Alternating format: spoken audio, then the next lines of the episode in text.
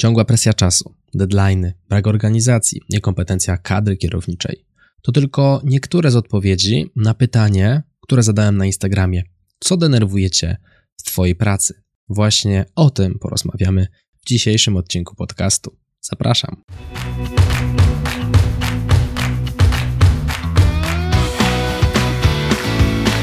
Chcesz przenieść swoją karierę na wyższy poziom? Nieważne, czy pracujesz na etacie, czy jesteś przedsiębiorcą. Świetnie trafiłeś.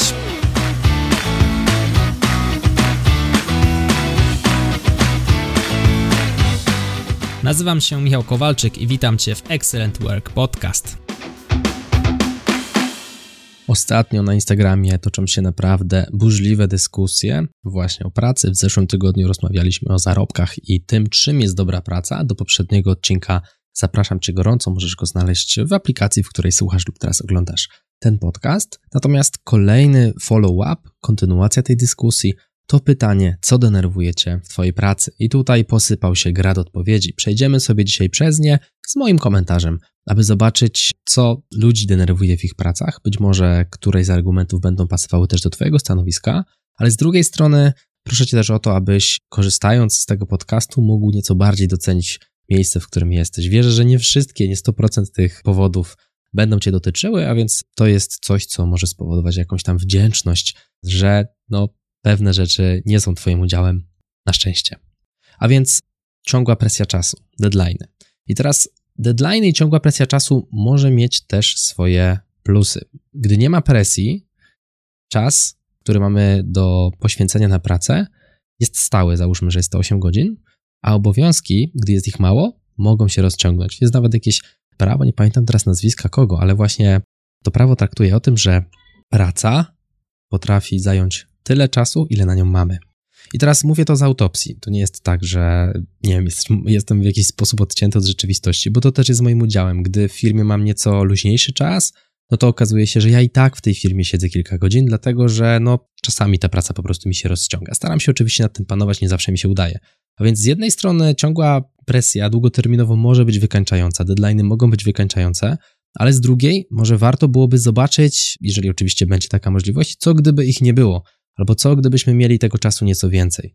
Może warto też skorzystać z tej presji, narzucać sobie ją czasem nawet intencjonalnie, po to, aby podkręcać swoją produktywność. Znowu, w tej sytuacji, gdy mamy ciągłe deadline, ciągle się spóźniamy i to jest wiecznie problem, no to znów nie będziemy korzystali z tego w jakiś tam intencjonalny sposób, kiedy nie mamy w ogóle na to przestrzeni. To jest scena, w której warto porozmawiać z przełożonym, warto zapytać go, co można byłoby zdjąć z naszego talerza, abyśmy się wyrabiali, albo porozmawiać z działem HR, że po prostu no, długoterminowo tak nie wytrzymamy i może się to dla nas źle skończyć z punktu widzenia tutaj psychologicznego. Mnóstwo raportów do uzupełnienia. To jest kolejna rzecz, która denerwuje ludzi w ich pracy i to jest świetny punkt, żeby go wykreślić. To jest do zrobienia. Większość raportów da się zautomatyzować, mniej lub bardziej.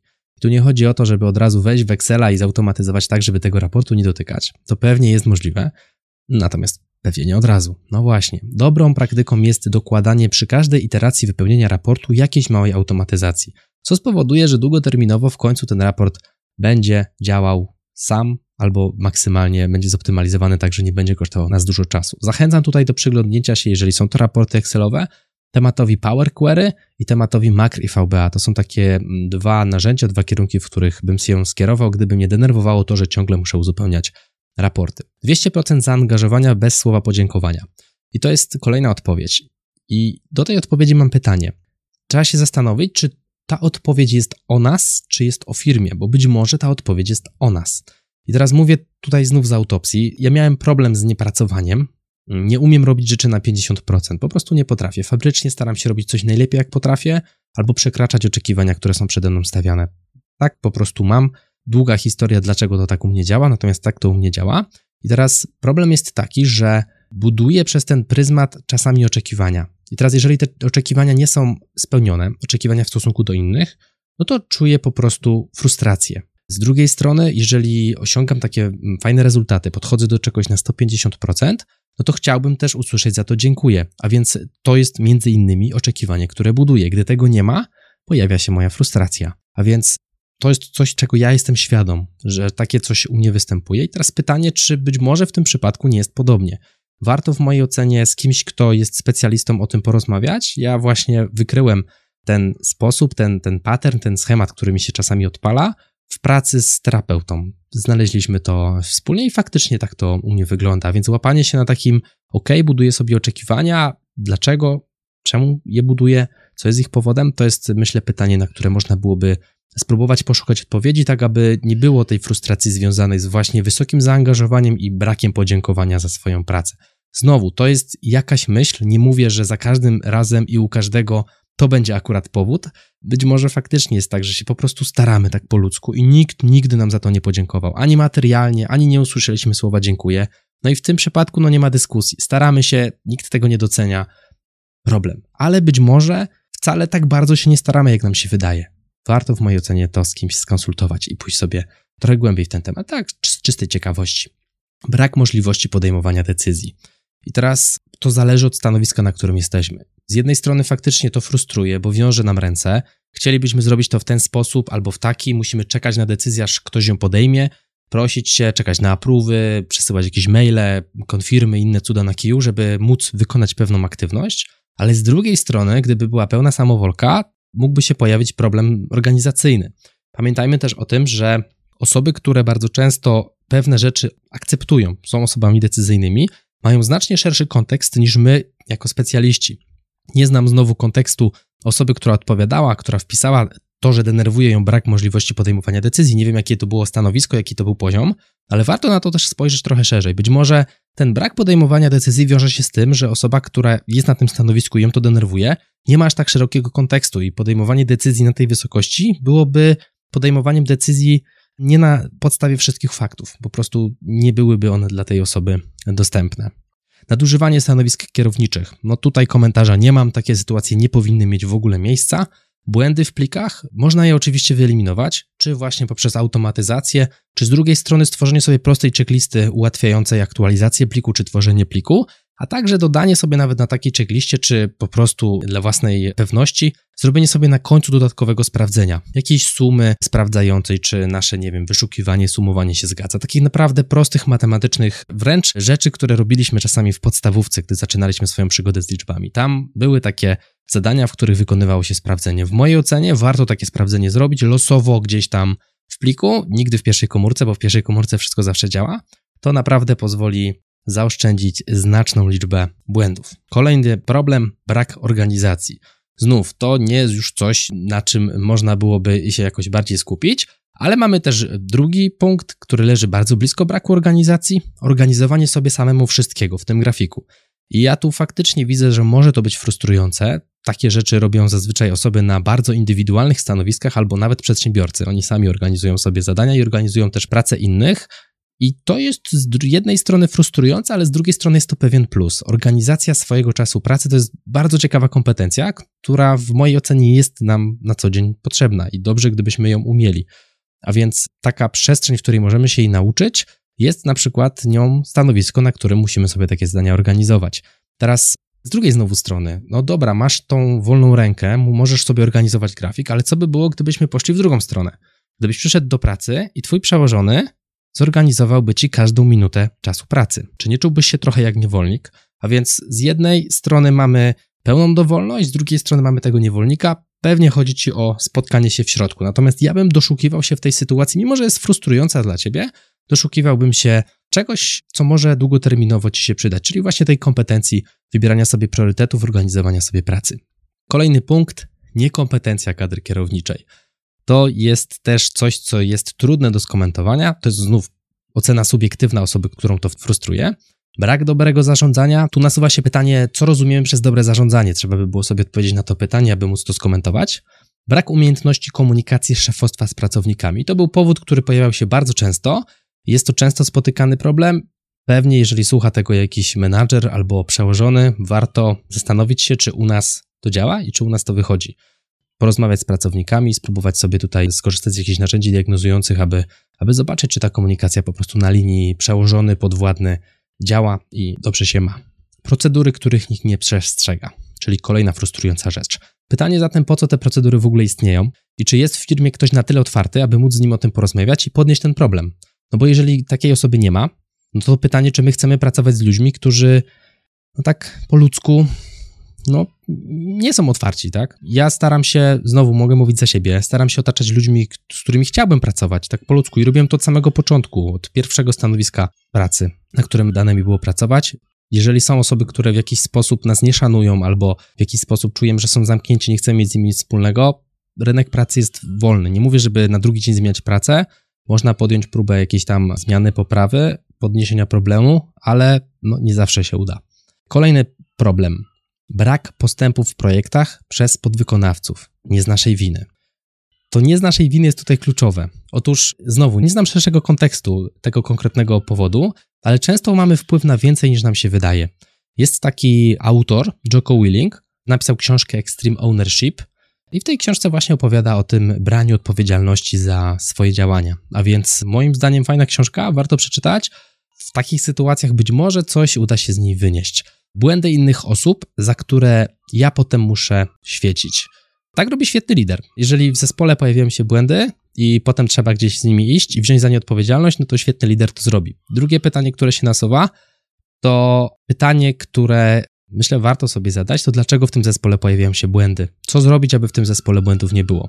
Natomiast jeżeli świecisz oczami za ludzi, którzy nie są twoimi podwładnymi, ty nie jesteś liderem, menadżerem, no to pytanie, dlaczego to jest tak zorganizowane? I myślę, że to jest pytanie, które warto byłoby zadać na przykład przełożonemu albo znów osobie z HR, aby spróbować sobie tutaj no jakoś tą, tą sprawę załatwić. Jeżeli cię to denerwuje, to po prostu warto czasami porozmawiać.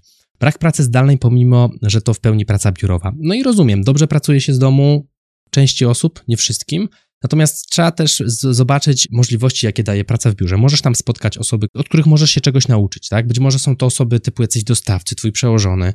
Ja pracowałem i zdalnie, i stacjonarnie, teraz w zasadzie robię dużo rzeczy zdalnie i w mojej ocenie, nie wiem czy też tak czujesz, jeżeli spotkasz kogoś w życiu chociaż raz, tak face to face, to od razu inaczej ci się z nim rozmawia. Więc jasne, rozumiem, praca zdalna jest ok, ale myślę, że warto czasami po prostu spróbować też w tej wersji stacjonarnej chwilę popracować, żeby docenić, myślę, i też poprawić tę komunikację pomiędzy, nawet w zespole czy, czy, czy poza zespołem. Rozmycie odpowiedzialności i wypieranie się błędów mimo jasnych dowodów. No tutaj też ewidentnie brakuje takiego lidera, brakuje kogoś, kto będzie przewodził. Spychologia, czyli zrzucanie odpowiedzialności. Znowu kwestie organizacyjne. Wieczne usprawiedliwienie opóźnień w dostawach. A no to kto pracował w łańcuchu dostaw, ten się w cyrku nie śmieje. No niestety, tak bywa. W tych przypadkach różnie to z dostawami jest, tym bardziej w dzisiejszych czasach, gdzie jesteśmy, no w takich, myślę, chodzi o dostawy w ciekawych, no, ciekawych czasach. Powiem to jeszcze raz. Chciałem sobie ostatnio zamówić głośniki do domu i jest problem, bo nigdzie ich nie ma. No, co zrobimy? Nic nie zrobimy. W tym przypadku pozostaje cierpliwie czekać, aż coś się zmieni na świecie. Rzucenie na głęboką wodę w sytuacji nowego pracownika. I tu znów jest to minus. Dlaczego? No bo przychodzisz do firmy i trochę jakbyś miał zawiązane oczy i ktoś ci kazał biegać, ale z drugiej strony jest to pewien sposób na szybki hard w boju. Jasne, pewnie pojawią się tam jakieś złe praktyki, ale z drugiej strony można zrobić szybki start, nie? I znowu, to są dwie historie z mojej kariery. Faktycznie w obu przypadkach przyszedłem do firmy, gdzie procesy się kształtowały, więc tam nie było jasnej ścieżki edukacyjnej, bo w zasadzie przychodziłem na stanowisko, które dopiero się kształtowało. Nikt przede mną tego nie robił, więc nie było nikogo, kto mógłby mi przekazać obowiązki. Uważam, że to było ok, dlatego że to był czas w obu firmach, w których z racji tego, że kształtowały się zespoły, doświadczenie w obrębie tego stanowiska, które się pełniło, nie było aż tak istotne. Więc to jest ciekawe środowisko, w którym można stosunkowo szybko awansować, stosunkowo szybko się wybić. Więc z jednej strony nie każdemu będzie to odpowiadało, ale z drugiej strony można się upatrywać w tym szansy. A więc znowu, to jest kwestia tego, jak to, co nas denerwuje, jak na to spojrzymy. Możemy spojrzeć na to z jednej i drugiej strony. Niskie zarobki, lubię ten rodzaj pracy, atmosfera, obowiązki, ludzie są super, ale wypłata nie. No tak też bywa. Trzeba się zastanowić, co trzeba zrobić, żeby ta wypłata była lepsza. O tym rozmawialiśmy w poprzednim odcinku podcastu. Zamrożone awanse, bo coś, co się działo w zeszłym roku, nie użyję nazwy tego z racji różnych dziwnych obostrzeń. No, okej, okay, jest to jakiś argument, natomiast tutaj jest potrzebna albo rozmowa z kimś, kto obiecał ten ewentualny awans czy podwyżkę, albo już reakcja taka bardziej radykalna. Czyli no ja miałem taką sytuację, że była mi obiecana podwyżka, miałem okazję przejść na inne stanowisko w obrębie firmy, powiedziałem, że nie przechodzę, jeżeli ma być podwyżka, to ok, mogę zostać. No i finalnie tam na tamto stanowisko, które na mnie czekało, ktoś przyszedł i szef powiedział, że w sumie to podwyżki nie będzie. A więc wybrałem się na inną rozmowę kwalifikacyjną, również w obrębie firmy. Nie wiem, na ile miało to wpływ na podwyżkę, czy tam zmiana akurat wtedy to był awans, chciałem podwyżkę, dostałem awans. Nie wiem, na ile to miało wpływ, ale gdzieś tam ta reakcja, myślę, to jest coś, co jednak warto podjąć, żebyśmy no nie wiem, nie rzucali słów na wiatr, myślę, że to dobre słowo. Tu nie chodzi o to, żeby kogoś szantażować, że nie wiem, pójdę do innej pracy, jak mi nie dasz podwyżki. No jeżeli ktoś obiecał podwyżkę, a jej nie daje, bo no nie wiem, zasłania się różnymi dziwnymi rzeczami, to niedobrze, nie? Rozumiem sytuacji, której byliśmy w kwietniu zeszłego roku, która nagle na nas spadła. Jasne, rozumiem, że pół roku na przykład tych podwyżek nie było. No ale jeżeli minęło półtorej roku od startu całej tej akcji związanej z wszyscy wiemy czym, no to myślę, że półtorej roku to już jest czas, w którym na spokojnie sobie można byłoby gdzieś tam zacząć się zastanawiać nad odmrażaniem tych budżetów podwyżkowych, awansowych. Znowu, to nie jest moja decyzja, natomiast są firmy, które na pewno podwyżki i awanse dają, na przykład moja. Ja dałem podwyżkę dwa razy na tym przestrzeni ostatniego półtorej roku. Jasne, małą firmę, można tak mówić, nie mam 10 tysięcy pracowników, ale da się. Są firmy, które te podwyżki dają. Zresztą mamy historię kursantów, nawet nie jednego, którzy fajne pieniądze wynegocjowują. Znowu zapraszam do poprzedniego odcinka, w którym właśnie o tym rozmawialiśmy. Brak możliwości po prostu zamknięcia laptopa o 16 i wyjścia z biura. Teraz to jest pytanie, czy to jest związane z organizacją pracy na tym stanowisku, czyli czy mamy po prostu aż tyle obowiązków, że fizycznie nie jesteśmy w stanie o tej 16 zamknąć laptopa i wyjść z biura, czy to jest kwestia tego, jak my sami na tym stanowisku pracy się odnajdujemy, bo być może robimy rzeczy niepotrzebne, może tak być, albo tracimy czas na aktualizowanie rzeczy ręcznie, gdzie mogłoby się dziać to automatycznie. To są dwa pytania, które trzeba sobie zadać. Czy ja faktycznie mam tyle obowiązków, że to jest nie do przerobienia, czy być może ja po prostu nie robię tego na tyle efektywnie, aby zdążyć? Nie wiem, do zastanowienia. Dzień wolny to się równa plus 50 maili i innych tematów do ogarnięcia. No i to też jest kwestia, znowu, organizacyjna. Przydałoby się, żeby w momencie, gdy nas nie ma, był jakiś backup, osoba, która przejmie od nas tę część obowiązków i spowoduje, że tych maili nie będzie 50, tylko będzie ich na przykład 10. Nie będzie ich pewnie zero, bo my mamy wiedzę, którą mamy my na naszym stanowisku i to nie jest tak, że każde stanowisko zastępuje nam jakaś druga osoba. To nie jest tak, że stanowiska w firmach są duplikowane, raczej nie są, ale myślę, że część tematów dałoby się tam w jakiś sposób ogarnąć. I dobrze w mojej ocenie jest też opowiadać osobom, które siedzą wokół nas, co robimy. Osobom, które mają być dla nas backupem w razie urlopu, aby one jak najwięcej o tej naszej pracy wiedziały, żeby po prostu było im potem łatwiej nas zastąpić. No i w drugą stronę, żebyśmy też chętnie słuchali, gdy ktoś opowiada nam o, o swojej pracy, żeby po prostu wygodniej się tutaj zastępowało. Brak chęci do nauki przez współpracowników. No to jest trudny temat, bo to obniża zyskowność całej firmy, a więc mniej kompetentna kadra powoduje mniejszą efektywność pracy, mniejszy uzysk finansowy z godziny, co finalnie faktycznie utrudnia pracę, zmniejsza zyskowność, tym samym utrudnia pracę, blokuje takie rzeczy, jakieś podwyżki, awanse, dalszy rozwój firmy. A więc to jest duży problem nie tylko tego, kto napisał odpowiedź na pytanie, co cię frustruje w pracy, ale jest to po prostu problem całej firmy, nad którym warto byłoby się pochylić. I na samym końcu moje ulubione, to, że ktoś powinien mieć pojęcie basic o Excelu, a go nie ma i codziennie w tym narzędziu pracuje. To jest hit, bo niestety spora część osób, jak dziwnie by to nie brzmiało, pracuje w programie Excel i ma o nim pojęcie poniżej basic. W mojej ocenie nie powinno coś takiego również mieć miejsca i jest to denerwujące, gdy wysyłamy komuś plik, a on tam nie umie jakichś podstawowych rzeczy w nim zrobić, Pracuję nad tym od kilku lat, regularnie tworząc kursy, aby takich osób w kraju było jak najmniej. Jeżeli podobało Ci się to, co dla Ciebie przygotowałem, tradycyjnie zachęcam Cię do wysłania tego odcinka jednej osobie. To był Excellent Work Podcast.